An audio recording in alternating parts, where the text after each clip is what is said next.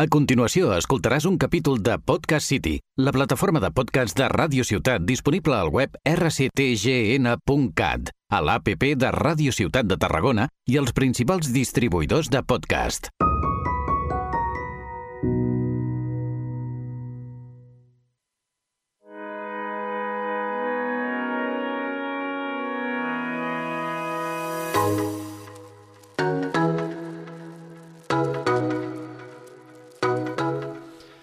Molt, però que molt bones. Estem aquí en un altre episodi de Converses amb Jove Cambra. Jo sóc l'Àlex, vicepresident de la Jove Cambra Internacional de Tarragona i avui estem amb un convidat molt especial. Estem amb Marcus Pagart, que és el protagonista de la Jovetol que farem aquest dijous, dia 13?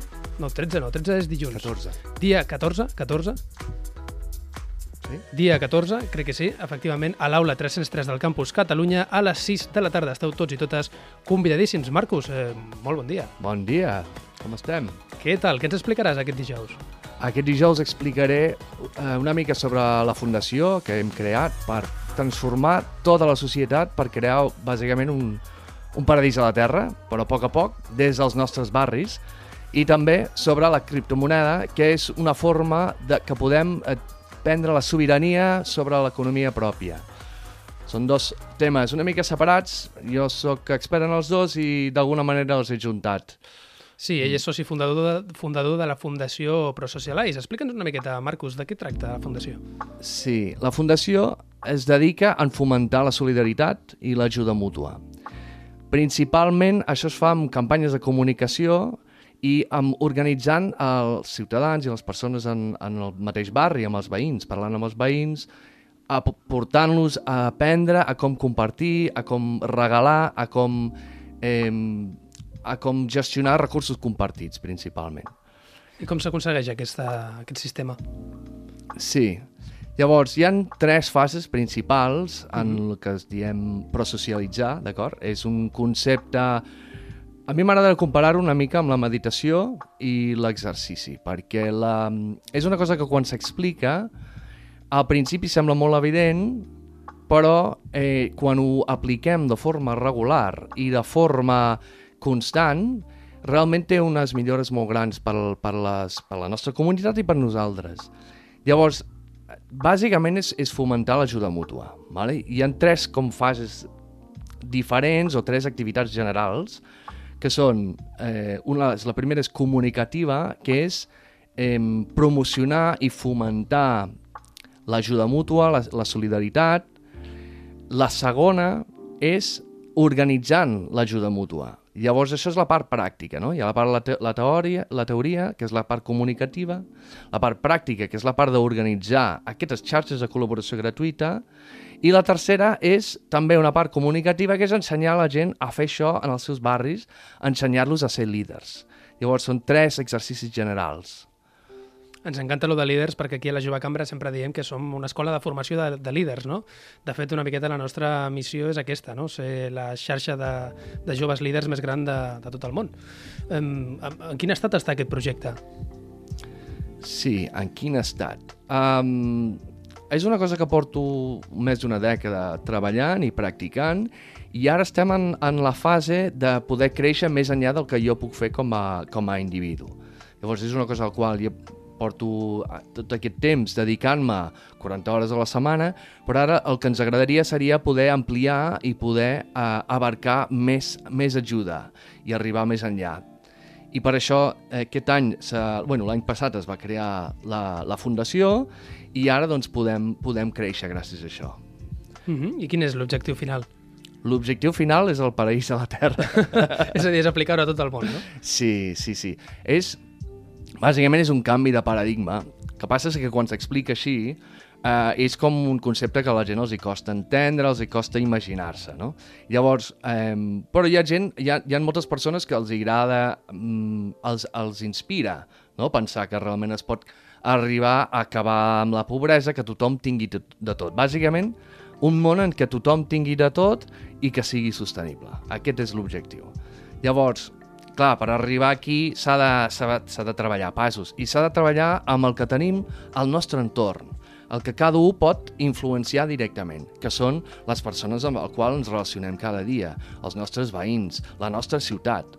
I aquí, bàsicament, la idea és, a, a, i, la, i la pràctica, és ensenyar-nos, ajudar-nos més per tal de crear més prosperitat i llibertat. Perquè, en el fons, l'ajuda mútua és l'arrel la, de tota prosperitat. Si mires la, la, el ser humà, el ser humà viu en societat, perquè és el que ens dona la capacitat de sobreviure i el que ens dona la capacitat de tenir tot el que tenim al nostre entorn. Si una, una persona sola avui en dia, per molt que sigui molt professional, molt expert o molt ric, si el deixes a, sol a la jungla, es morirà. Es morirà perquè no té la capacitat de viure. I, per exemple, hi ha una història de, que va passar una, una, una pandèmia a una tribu d'esquimals de, i, i es van morir tants que llavors no sabien eh, fer arcs. Llavors, això és un, un exemple de que tot el que tenim al nostre entorn depèn de moltíssimes persones per fer-les. Per exemple, un llapis, un simple llapis, ningú sap fer un simple llapis. Depèn de milers, mi, milers de persones amb capacitats diferents per poder aportar tots, tots els elements per crear un simple llapis. Llavors, l'ajudar-nos els uns als altres és el que porta tot el que, tot, tot el que necessitem i tot el que gaudim. Abans de continuar, corregim, eh? És dijous dia 15, 15 de desembre, a l'aula 303 del campus Catalunya a les 6, a les 6 de la tarda, a les 18 hores. I, a més, eh, comptar que després farem un petit refrigeri per tots els assistents al bar, bueno, al bar-restaurant The Cube, d'acord? A la plaça dels Castellers. Eh, Marcos, per posar-me una miqueta filosòfic, mm, diguem-ne que no em voldria centrar en, en, en aquest àmbit, però mm, la societat d'avui en dia, o, o el sistema tal com està fet, eh, està plantejat per, per prosocialitzar? És a dir, l'ajuda mútua en un sistema com el que vivim avui, diguem-ne que, que, que és el que que, que pot funcionar o hi ha d'haver un canvi, és el que tu deies, no? un canvi de mentalitat o, o de paradigma? Sí, molt bona pregunta. De fet, és el problema que tenim. Avui en dia en la nostra societat eh, va en contra de l'ajuda mútua, de, per molt que depenem d'ella. I això ho veiem amb la... A veure, hi ha molta gent que no els agradarà el que diré ara, vale? perquè és molt radical, um, que és que hem d'acabar amb la necessitat de guanyar-nos la vida. Aquesta idea de guanyar-nos la vida implica que hi ha gent que perden, implica que hi ha gent que es moriran de gana.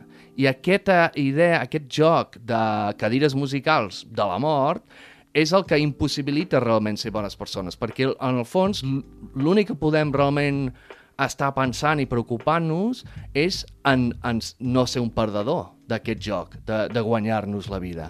I per tant, mm, bueno, doncs ja tenim assumit que hi ha persones que, que, que es moriran de gana o, o, alguna cosa així perquè, perquè són els perdedors del joc. Assumim aquesta, aquesta premissa. I per tant, hem de canviar aquest xip, hem de canviar aquesta forma de veure i hem d'entendre que totes les persones som dependents els uns als altres. Molt bé, molt bé. I a més això es, es, pot aplicar, diguem-ne, a nivell internacional, perquè a vegades sempre ens centrem molt en Europa no? o en el món occidental i ens deixem a vegades d'Àfrica no? i de les mil misèries que, que estan patint allà. Doncs eh, bé, doncs si voleu saber més coses de, de com aplicar tot aquest sistema i de com fer-lo, convertir-lo en una realitat, vingueu aquest dijous a, a la nostra Jove Talk.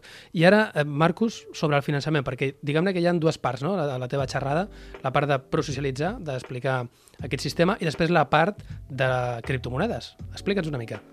Sí, la criptomoneda realment és, la, és una nova revolució eh, digital en el qual nosaltres tenim la capacitat de controlar la nostra economia personal.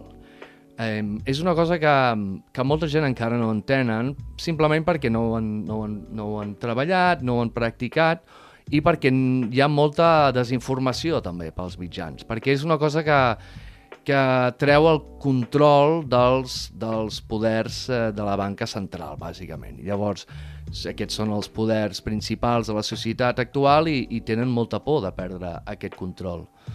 Sí.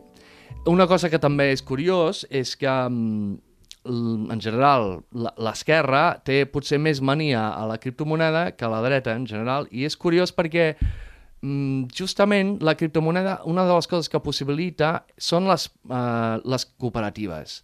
La, el, dins de la, la criptomoneda hi ha el que es diu um, DAOs, Decentralized Autonomous Organizations, que són bàsicament són, són cooperatives. Són formes en què són, um, és el, el, el nivell màxim de democràcia, on s'està eh, treballant formes democràtiques de gestionar molts, molts diners. I això es, es, es possibilita gràcies al sistema eh, criptogràfic de la criptomoneda, en què quan s'utilitza una plataforma, per exemple, un, un exemple que, que es podria fer, que encara no s'ha fet, però es podria fer, que és uh, la gent doncs, uh, critiquen a Amazon, critiquen a, a, a Uber, a Airbnb, que són coses que, que milloren la vida en, en el, en, per, per l'usuari, no? perquè redueixen molt els costos, però pels productors, per les persones que porten el sistema, se'ls apreta moltíssim i no tenen gens de capacitat de defensar-se d'aquesta, uh, de com se'ls apreta. No?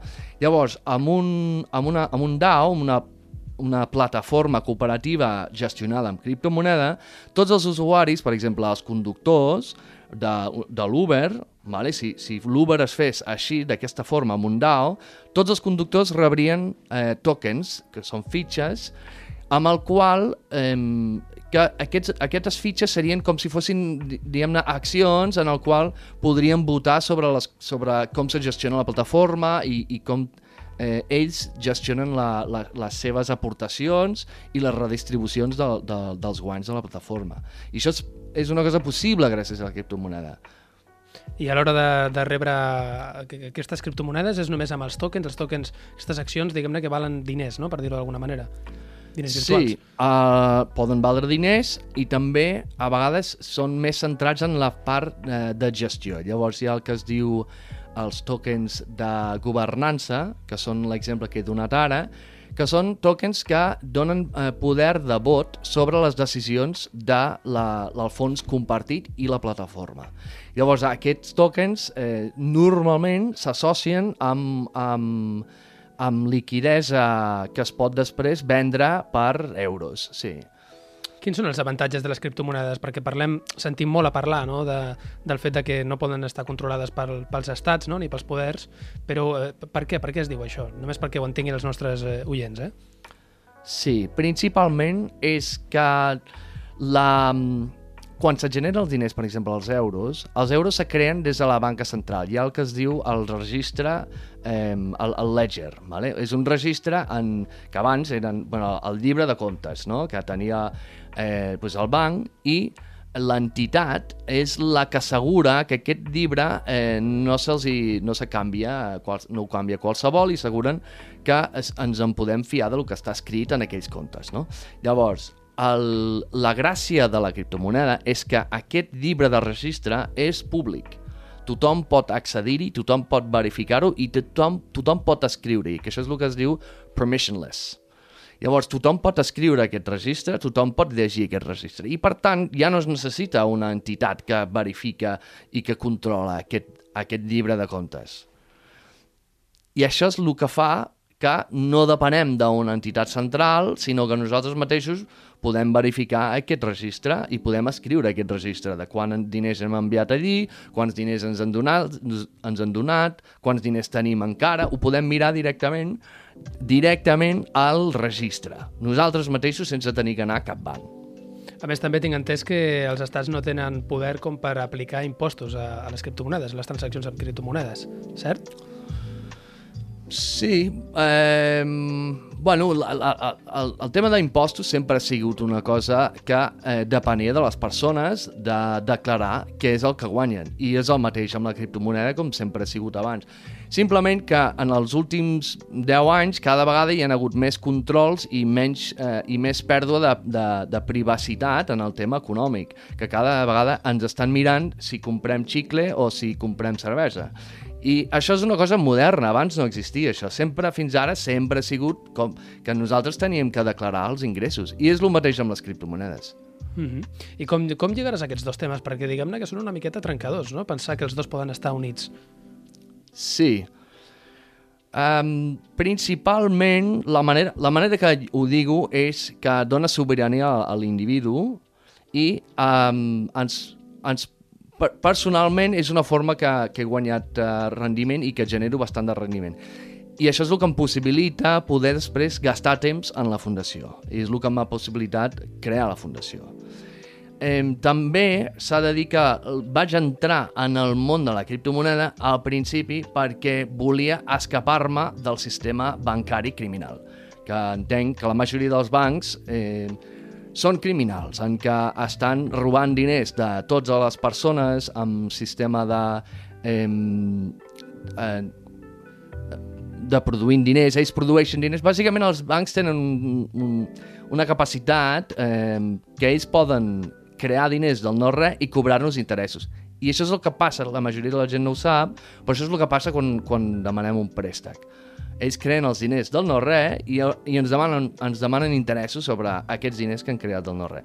Llavors, els bancs, en general, són entitats que entenc que són molt destructives per a la societat i per la llibertat dels individus, i per tant, la criptomoneda és una manera d'escapar-nos d'aquesta tirania puc entendre el lligam, perquè diguem-ne que els bancs són tot el contrari, no? defensen tot el contrari del que, del que estàs defensant tu de prosocialitzar, no? Diguem-ne que és el millor exemple de tot el contrari. Sí, sí, els bancs són, bueno, són els que financien totes les guerres, també. Vull dir, són els que també acostumen a, a, a robar la gent gran, a enganyar-los, a entrar amb, amb, amb préstecs que realment els hi va molt malament. Molt bé, doncs eh, molt interessant, Marcus. Espero que, que hagis gaudit de l'entrevista tant com jo. Espero que els oients també així ho hagin pogut eh, fer. I no res, ens veiem aquest dijous, eh, dia 15, 15, eh? 15 de desembre, eh, a les 6 de la tarda a l'aula 303 del Campus Catalunya per eh, bueno, assistir a la teva classe magistral sobre com prosocialitzar i sobre criptomonedes. Moltes gràcies, ens veiem en el següent episodi. Adeu!